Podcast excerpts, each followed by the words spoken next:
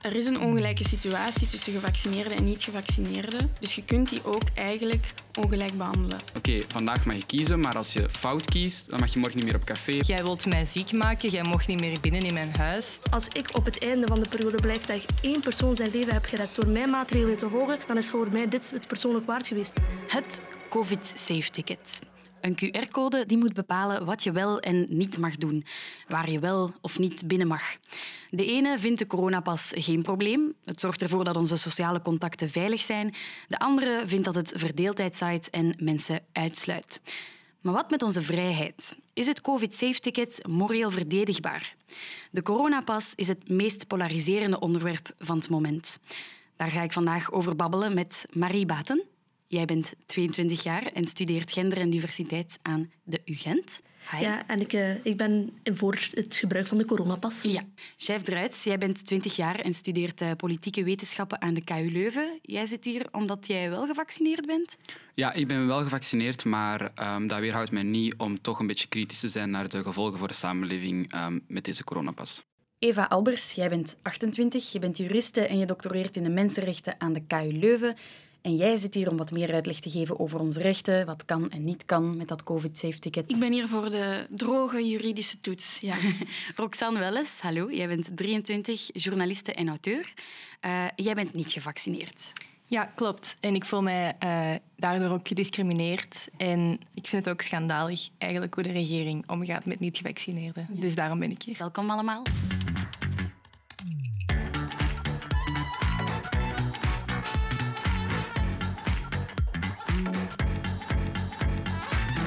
Sinds 1 november moet je in heel het land het COVID-safe-ticket uh, voorleggen om op café te gaan, in de fitness of om de cinema binnen te mogen. Ik kan me inbeelden dat dat wel een grote impact heeft op jouw leven, Roxanne. Ja, enorm groot inderdaad. Um, alle leuke dingen, of toch het grootste deel van de leuke dingen, is eigenlijk niet meer mogelijk. Uh, tenzij ik een test laat doen. Dat kost toch ook wel wat. Dus ja, een groot deel van, van mijn vrije tijdsbesteding en het plezier dat ik normaal gezien haal uit die activiteiten valt mm -hmm. nu gewoon weg. En hoe voelt dat? Um, ik heb al heel veel gevoeld uh, de laatste twee jaar eigenlijk gewoon al. Um, maar nu zou ik zeggen vooral uh, machteloos, boos, teleurgesteld. Ja, een beetje verdrietig ook. Mm -hmm. Marie, jij vindt het maar normaal eigenlijk dat mensen een COVID-safe-ticket moeten voorleggen om op café te gaan? Ja, allee, het is altijd een moeilijk gesprek, maar ik ben daar wel een theorie voor. Waarom? Er zijn verschillende mensen die ook niet gevaccineerd zijn, mensen die wel gevaccineerd zijn. Ik denk de alternatieven waar ze nu al over spreken, zoals een lockdown, ik denk niet dat iemand dat nog terug wilt. En je kunt ook niet zeggen dat je zomaar geen maatregelen neemt. Je kunt wel iets doen. En natuurlijk is het in het begin moeilijk aftasten wat werkt wel wat niet. Maar het COVID-safe-ticket heeft wel in het begin, waarvoor het in het begin ontworpen is, met het reizen en naar het buitenland mogen gaan en over de grenzen gaan, wel bewezen dat het werkt. Voel je jou daar zelf veiliger bij als je op een evenement bent waar uh, COVID-safe-tickets worden gebruikt? Het is een beetje half vals, half wel. Ja, van mensen die gevaccineerd zijn, je weet dat de kans groter is dat ze het doorbrengen. De kans is ook kleiner dat ze het krijgen, maar het gebeurt wel. Wat je wel weet, zijn mensen die niet gevaccineerd zijn geweest, daar ben je wel zeker van dat ze niet COVID positief zijn. Dus ja, er is een deel van waar je weet en zekerheid hebt van ja, die gaan mij niet besmetten.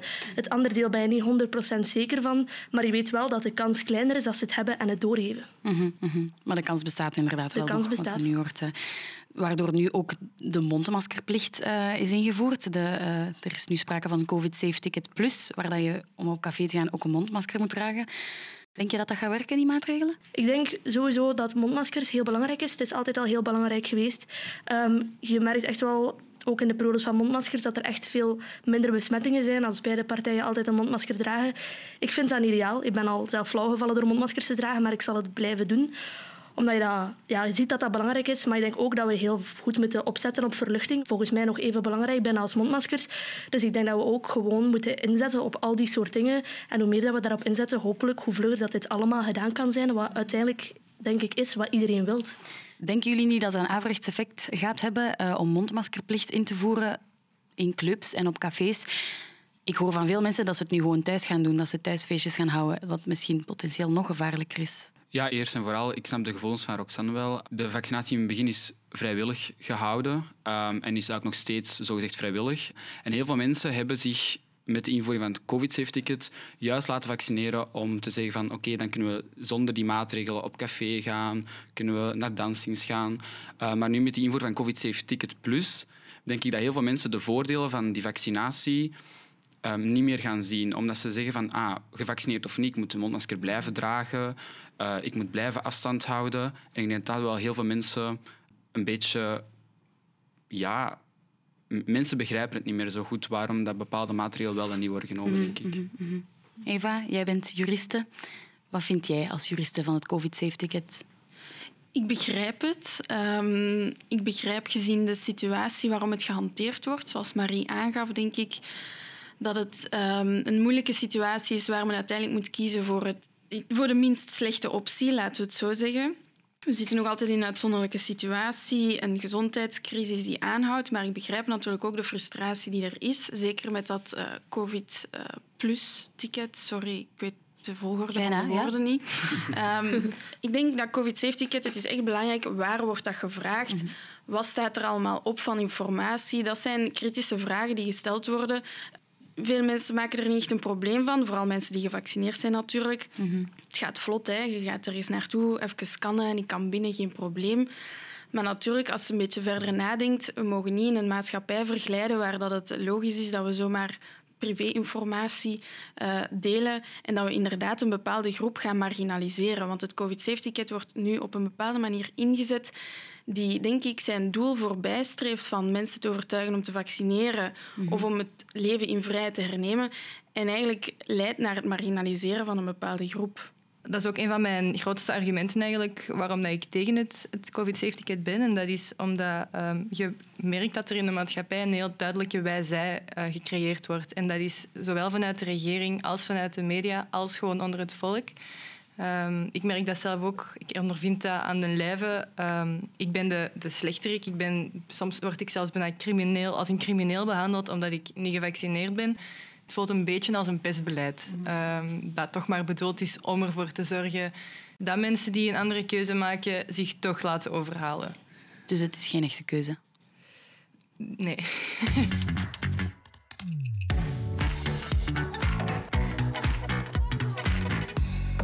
Er um, wordt ook heel vaak gesproken over discriminatie. In juridische termen dan, is er sprake van discriminatie met het COVID-safe-ticket?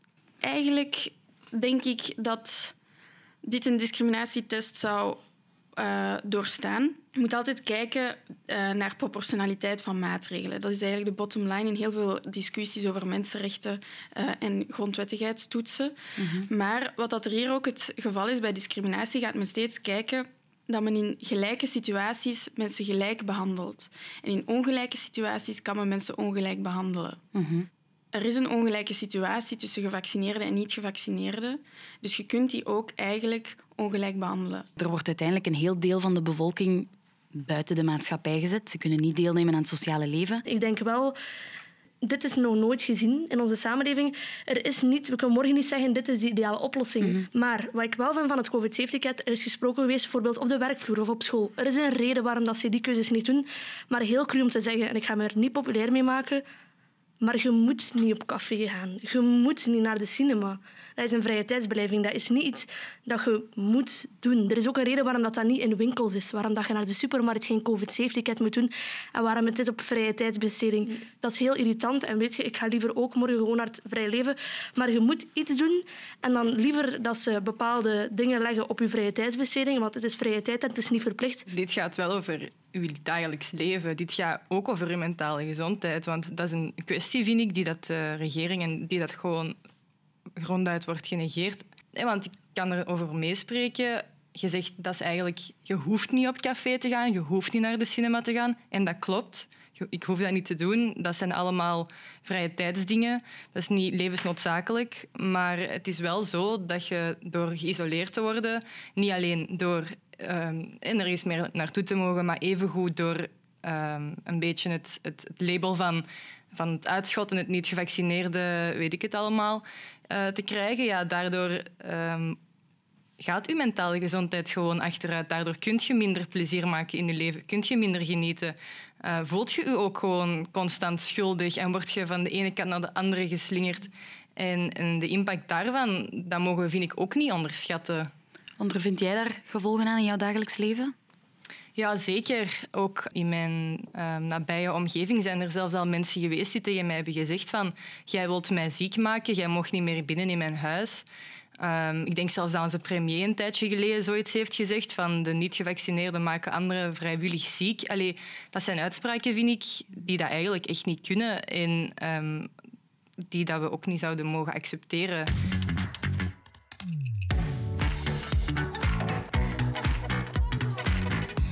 Ik uh, wil het nog eventjes met jullie hebben over uh, privacy, wat daarnet uh, even werd aangehaald. Veel mensen snappen niet goed wat het probleem is met de privacy, want je ziet maar een naam en een QR-code. Marie, vind jij dat ook niet erg? Ik denk dat er problemen zijn, die zijn ook al aangetoond. Er zijn ook al andere veranderingen gebeurd. Um, maar ik denk dat de gegevens die ze kunnen zien, de problemen met privacy die er zijn, dat je niet mag onderschatten dat die er eigenlijk gewoon al zijn in je dagelijks leven. Ik bedoel, pak je gsm even, wat staat er aan? WhatsApp, Google, Facebook, Google Maps.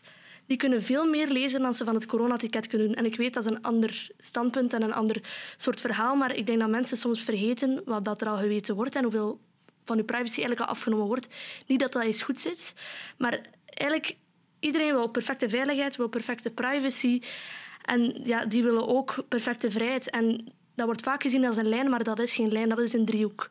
En je moet altijd iets aanpassen. Je kan niet perfecte veiligheid hebben, maar tegelijkertijd ook perfecte vrijheid en privacy.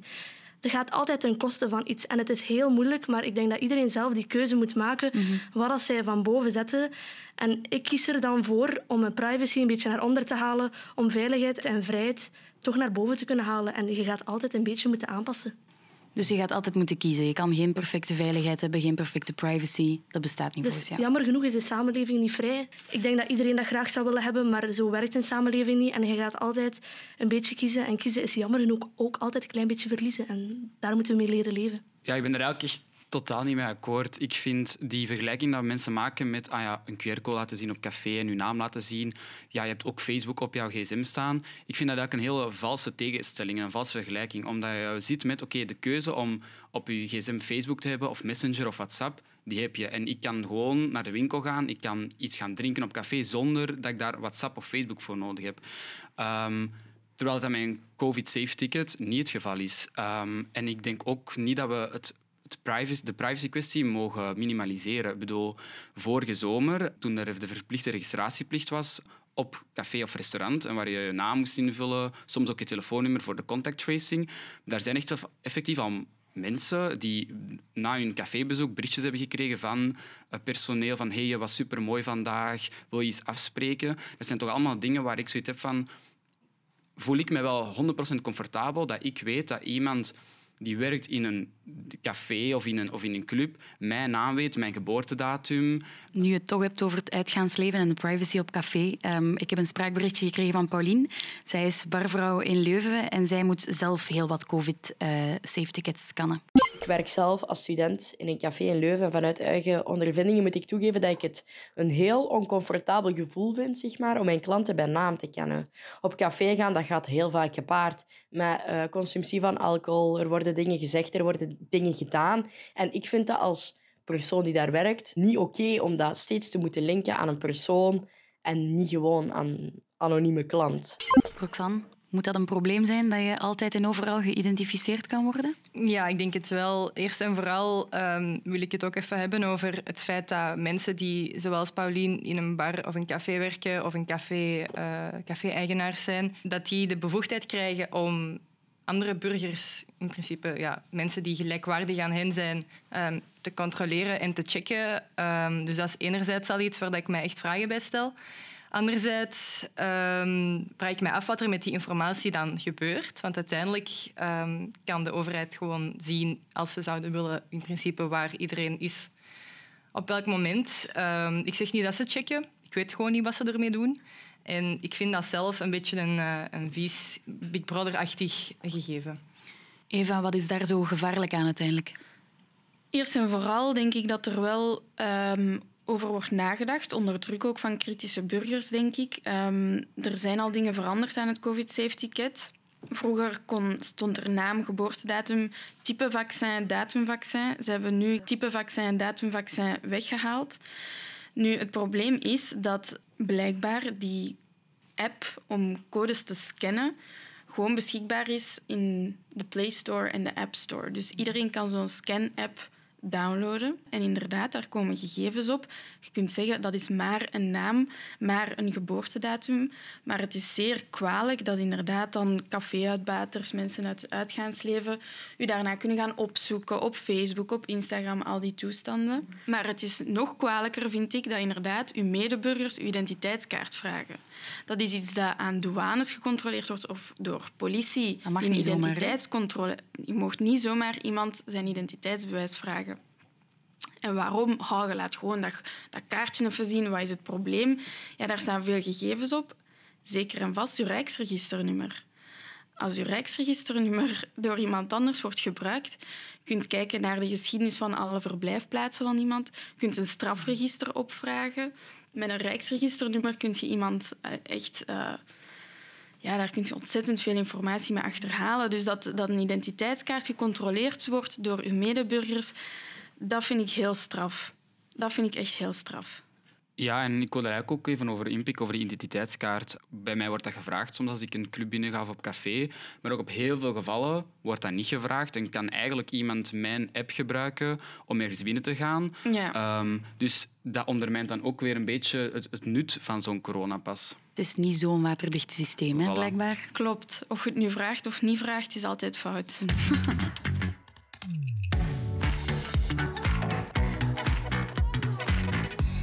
Enkele maanden geleden zei minister van Buitenlandse Zaken Sophie Wilmes nog op Radio 1.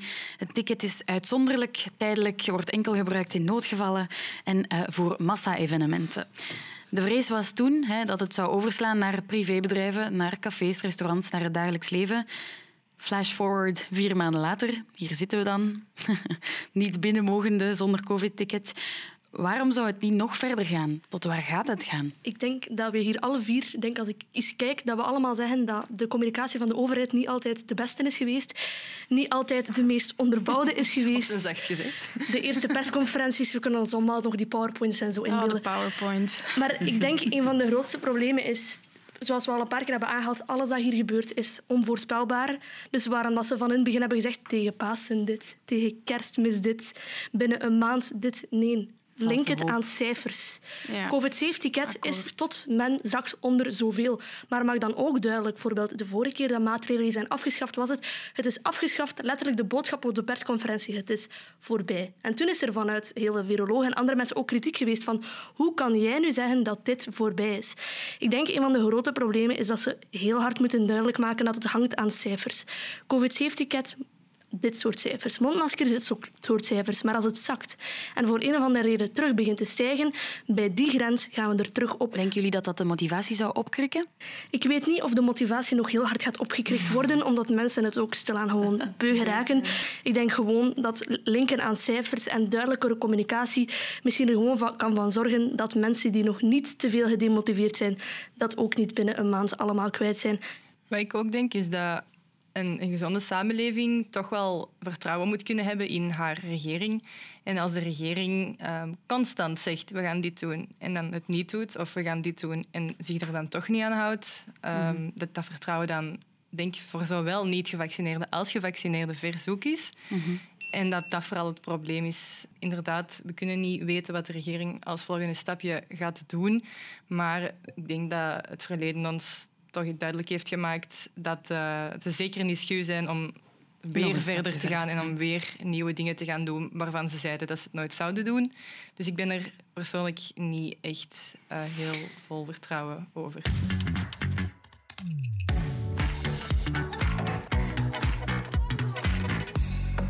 Roxanne, jij stelt jouw vragen bij de SAFE in het COVID-safe-ticket. Ik zou zeggen dat het niet klopt dat iemand die gevaccineerd is ehm, anderen die kan besmetten of geen gevaar kan zijn voor anderen. Zeker gezien het COVID-safe-ticket ehm, ook, ja, je, je laat je niet testen. Dus je gaat ergens binnen, voor hetzelfde geld heb je corona en kun je het ook doorgeven aan anderen. Waar iemand die, niet gevaccineerd is een test moet laten afnemen en echt kan bewijzen dat hij geen corona heeft. Dus ik vind dat eigenlijk ook niet echt eerlijk. Ik snap natuurlijk uw situatie van dat het, het dagelijks leven wordt gewoon moeilijk gemaakt voor mensen die gewoon hun vrije keuze uitoefenen. Maar dan denk ik, alles wat dat er nu gebeurt, verplicht het gewoon. Ik denk punt 1, waar Roxanne zegt inderdaad van... Er is gezegd geweest, je hebt een keuze om je te laten vaccineren dan moet die keuze ook wel vrij zijn. Dan is het niet zo dat je zegt van oké, vandaag mag je kiezen, maar als je fout kiest, dan mag je morgen niet meer op café, mag je niet naar een concert, mag je in sommige landen mag je zelfs al niet meer gaan werken bijvoorbeeld. Zouden we dat niet beter inderdaad verplichten? Waarom denk je dat ze het niet verplichten, chef? Um, ik denk dat in België een heel moeilijke keuze is. Ik denk dat wij zijn niet gewoon dat de overheid op een zodanige manier in onze persoonlijke levenssfeer uh, komt. En ik denk vooral dat het heel moeilijk is. We zitten ook in een regering met uh, twee liberale partijen, dat dat voor hun zeker en vast niet makkelijk is om te zeggen oké, we gaan mensen verplichten om een vaccinatie, om een medische behandeling uh, te geven. Dus ik denk eigenlijk dat ze dan via dat coronapas dat ze zeggen van oké, we gaan het niet verplichten bij wet, die vaccinatie, maar we gaan wel ervoor zorgen dat mensen zich eigenlijk impliciet gedwongen voelen. Je zegt het zelf, we komen de hele tijd terug naar de kern van het verhaal. Verplichte vaccinatie. Roxanne, ik wil jou dat even voorleggen. Your thoughts, please. Voor mij is toch wel een essentieel onderdeel van, um, van vrijheid dat je baas bent over je eigen lijf. Dat je toch de beslissing maakt om wat jij in je lijf steekt. Uh, ook misschien als ouder dan, wat je in het lijf van je kinderen laat steken. Um, we doen dat elke dag met, op basis van eten. Um, en dan zouden we dat plots op basis van een vaccinatie dan niet mogen. Dat vind ik toch best ver gaan. Eva, ik wil jou eens vragen of het überhaupt kan om vaccins te verplichten bij ons? Wat is daarvoor nodig? Dat kan. Tuurlijk, het okay. poliovaccin is verplicht bij ons. Ik denk dat de grootste tegenargumenten zullen zijn... Ja, uh, we weten niet genoeg over de effecten van het vaccin op lange termijn. Nu, feit is dat we nu zien in onze zorg, in onze ziekenhuizen, dat het wel degelijk werkt. Het is geen gouden middel. Het is niet de weg naar de vrijheid, zoals beloofd is door sommigen. Maar het is wel iets dat helpt. Het werkt. Onze zorg zou volledig meer aankunnen, moest iedereen gevaccineerd zijn.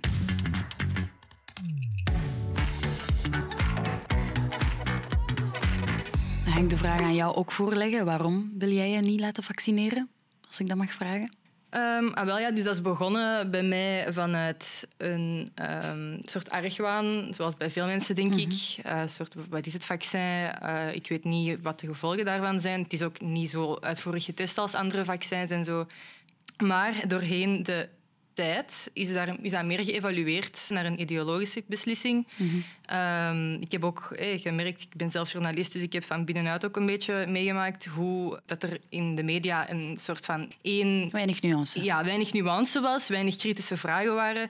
Dan de regering uh, met bepaalde uitspraken, het beleid dat er wordt uh, gevoerd dat geeft mij gewoon allemaal zoiets van nee, ik, ik, ik, stem, ik ga hier niet mee akkoord gewoon met de manier waarop. Ik ga niet akkoord met dit wij-zij-verhaal. Ik ga mhm. niet akkoord met deze pesterijen. Ik ga niet akkoord met de maatregelen die mensen uitsluiten. Ik ga daar gewoon niet mee akkoord. En dat is voor mij heel belangrijk om met mezelf te kunnen leven. Mhm. Het is inderdaad het debat dat contraproductief werkt en dat het, het, het wij-zij-gevoel inderdaad heel erg leeft en dat heel veel mensen daardoor, net zoals Roxanne, um, gesterkt worden in hun gevoel dat ze het eigenlijk helemaal niet willen nemen uit protest eigenlijk. Het is zelfs zo erg dat er veel niet-gevaccineerden actief op zoek gaan naar corona om toch eventjes dat COVID-safe-ticket te hebben en om toch zes maanden gerust te zijn. En zo ga ik jullie nog uh, een uh, spraakberichtje laten horen van uh, Iris. Ik heb eigenlijk dus al van heel veel mede niet gevaccineerde vrienden gehoord dat ze veel liever nog corona oplopen dan dat ze zich hiermee laten inspuiten. Ze willen gewoon dat COVID-safe-ticket hebben dan voor die komende zes maandjes en hebben zoiets van kom maar op met die corona. Ik heb nu zelfs toevallig vandaag een vriendin gehoord die dat waarschijnlijk corona heeft. En ik heb zoiets van, alright, alright girl, ik kan maar gewoon even lekker in mijn gezicht hoesten. Uh, dan kan ik er voor de komende zes maanden kan ik dan toch even gewoon mijn normale leven terug hebben. Uh, ja, dat is, uh, dat is nu een beetje hoe dat aan het gaan is onder de niet-gevaccineerde jongeren, denk ik. Exact, het is hoe dat het zo'n beetje aan het gaan is tussen de niet-gevaccineerde jongeren. En ik zie het steeds meer opduiken. Ja, ik vind eigenlijk um, dat dat heel hard komt van onwetendheid. Ik denk, punt één, we weten heel weinig over corona, wat de lange termijn gevolgen zijn. En van het vaccin weten we dat al veel beter. Hè. Decennia lang zijn we al vaccins aan het ontwikkelen, dus we hebben wel enig idee. Dus ik denk dat daar die onwetendheid van ah, corona kan helemaal geen kwaad. Voor jongere mensen waarschijnlijk niet zoveel, maar dat weten we nog niet. Roxanne, jij bent daar niet mee akkoord, hè? Ja, ik, ehm, ik wil sowieso zeggen dat ik spreek niet voor iedereen dan die niet gevaccineerd is, maar toch zeker wel voor de mensen in mijn omgeving die niet gevaccineerd zijn. Dat zijn allemaal hooggeschoolde mensen. Dat zijn allemaal mensen die weten wat de gevolgen zijn, die weten wat ze doen. Dat zijn geen domme mensen. We kunnen ervan uh, denken wat we willen, maar zo is het wel. Er is een hele groep jongeren die inderdaad uit protestbeweging, niet omdat ze onwetend zijn over corona, maar gewoon omdat ze achter hun eigen principes staan en, en, ja, echt een antireactie ook gewoon geven, denk ik. Hè. Dat is dat, ik heb dat ook al gehoord van mensen die zeggen van ah, hoest maar in mijn gezicht, dan heb ik ineens het uh, COVID-safe-ticket. Er zijn WhatsApp-groepen waar mensen uh, tegen betaling voilà, willen langskomen om je te besmetten. En ik verschiet daar ook niet van uiteindelijk, want dat is ook wat je kunt verwachten, denk ik. Als je zo'n wij-zij-beleid gaat voeren, als de regering en de media bij gevolg ook met een beetje meer liefde en een beetje meer zachtheid zou hebben gehandeld en zou handelen, dat, er misschien, dat dat misschien een heel ander verhaal zou zijn en dat je dat niet zo uitgespuwd zou voelen Ehm, als burger en dat je dan misschien wel gewoon zou denken van weet je wat, als het zo belangrijk is, zal ik mij laten vaccineren. Maar dat gaat je niet doen als je net een klap in je gezicht hebt gekregen. Eva, ik zie dat jij wil reageren. Ja, ik begrijp dit tot op een bepaald niveau wel wat er gezegd wordt. Maar met mooie woorden, liefde en zachtheid bedwingt je geen pandemie. Ik denk dat er iets is dat we misschien soms uit het oog verliezen eigenlijk heel veel van wat wij nu aan het zeggen zijn, gaat allemaal over... Um, ik voel mij gediscrimineerd of geschonden in mijn individuele vrijheid. We zitten in een crisissituatie en we zijn als samenleving nogal erg gefocust op individuele vrijheden. Ik vind dat het heel vaak gaat over dat is wat de overheid niet mag doen. De overheid moet wegblijven. Maar de overheid heeft ook bepaalde plichten een plicht om een goede gezondheid te organiseren voor de burgers. En ik snap het, mensen zijn gesteld op individuele rechten en vrijheden, maar je mag nooit uit het oog verliezen dat uw overheid ook veel voor u doet als er iets mis is, als je zorg nodig hebt. Dit vaccin gaat verder dan een politieke overtuiging. Dat gaat over gezondheid, dat gaat over uw samenleving, dat gaat over solidariteit. En ik vind dat een heel cruciaal verschil. Ik ben nog altijd in shock van dat geluidsfragment. Ik had daar nog nooit van gehoord. iedereen, en ik hoor daar ook onder iedereen die geen medisch beroep uitoefent, die geen arts heeft, die gaat nooit alles kennen. En ik denk dat mensen echt onderschatten. Eén, je brengt andere mensen in gevaar als je besmet bent. Zeker als je het expres gaat doen. Hopelijk volgen die dan allemaal quarantaine, dat hoop ik echt. En hopelijk gebeurt er niets, maar weet, als je dat doet en je weet niet alles over je eigen lichaam, je speelt met je eigen leven. En dat is het niet waard, vind ik mhm. persoonlijk. Mhm. Zo erg is het eigenlijk. Het is, het is puur om te illustreren dat sommige mensen liever COVID oplopen en dat risico nemen dan verplicht, of ja, toch bijna verplicht tussen haakjes een vaccin te nemen. Mensen die, die ja, de maar dat is eigenlijk heel triestig, want dat wil zeggen dat er zo weinig vertrouwen is in de maar dat wetenschap. Is wat we aankaarten. dat, is, dat is super triestig, want er is wel meer dan een jaar is heel de wereld bezig geweest met het ontwikkelen van een vaccin. Dat is heel snel gekomen, omdat natuurlijk iedereen daarmee bezig was. Daar is enorm veel geld naar gegaan. Dus we leven in een verzorgingsstaat, we leven in België. We kunnen zoveel mogelijk zeuren over beleid als we willen en onze ideologische verschillen hebben. Maar ik vertrouw echt wel op de gezondheidszorg in ons land. Wij kunnen niet alles weten, wij hebben niet alle medische kennis. Ah nee, daarom hebben we dokters, daarom hebben we medische sector. Als ik ziek ben, ik vertrouw op wat die mensen zeggen. En ik ben er nog, dus het is gelukt. Hè? Maar ik denk ook wel dat dat aantoont dat er zo'n groepen ontstaan, dat er de nood is om zulk gedrag te vertonen. Ik vind dat een beetje frappant, dat in onze samenleving dat we al gaan vragen aan zieke mensen, hoest op mij, zodat ik zes maanden lang kan gaan feesten en, en op concert kan gaan. Ik denk dat dat... Dat zijn allemaal zaken...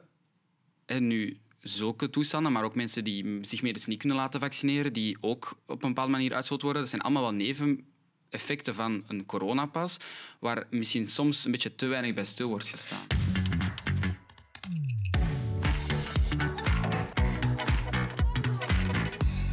Ik wil tot slot deze aflevering afsluiten met de vraag: wat moet er nu gebeuren volgens jullie? Is er een ideale oplossing? Nee. Nee, ik denk ook niet. Ja, ik denk eigenlijk persoonlijk dat we meer toekomstgericht moeten kijken. Dus inderdaad op die ventilatie inzetten, bijvoorbeeld in scholen, ehm, maar ook in cafés, in discotheken, waar, dat, waar toch wel, denk ik, misschien de meeste besmettingen gebeuren. In plaats van altijd dat paniekbeleid, steekvlampolitiek, oh, we hebben nu een golf, we gaan dat nu wegdoen door maskers te dragen en door telewerken. Um, dat we misschien eerder daarna moeten kijken en dan daarnaast moeten we misschien ook wel durven praten over vaccinatieplicht. Ook al ben ik daar persoonlijk ideologisch niet voor. Maar ik denk wel dat dat misschien een van de belangrijkste pilaren wordt van hoe dat we daar in de toekomst mee moeten omgaan met het coronavirus. Enerzijds zou het wel fijn zijn als die demonisering, als ik het zo mag noemen, ja, stopt. En mhm. als er uh, met een iets mildere blik zou kunnen gekeken worden, als er meer vanuit een wij-verhaal kan gesproken worden in plaats van een wij-zij-verhaal. Mhm. Zonder ook weer met het je moet je laten vaccineren, zonder, die, mhm. zonder dat hele druk en, en angstgezaai verhaal erbij. Ik denk inderdaad dat iedereen verlangt naar een lange termijnvisie van de beleidsmakers. Geen yo-yo-beleid, waarbij elke maand er iets anders is. Mensen zijn in de war, mensen zijn het beu, mhm. logisch. Mentaal welzijn is zeer belangrijk. En dat is waarschijnlijk van in het begin te weinig benadrukt geweest.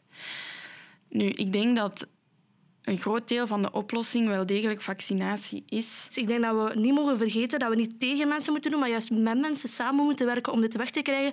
Want het is niet wij tegen zij, maar het is ons allemaal tegen een virus. En dat is gewoon mijn persoonlijke mening en dat klinkt heel raar, maar als ik op het einde van de periode blijkt dat ik één persoon zijn leven heb gered door mijn maatregelen te volgen, dan is voor mij dit het persoonlijk waard geweest. En dat is niet voor iedereen, maar ik denk dat we er meer moeten staan op de samenleving. En voor mij is één persoon redden genoeg voor alles wat er voorbij twee jaar is geweest.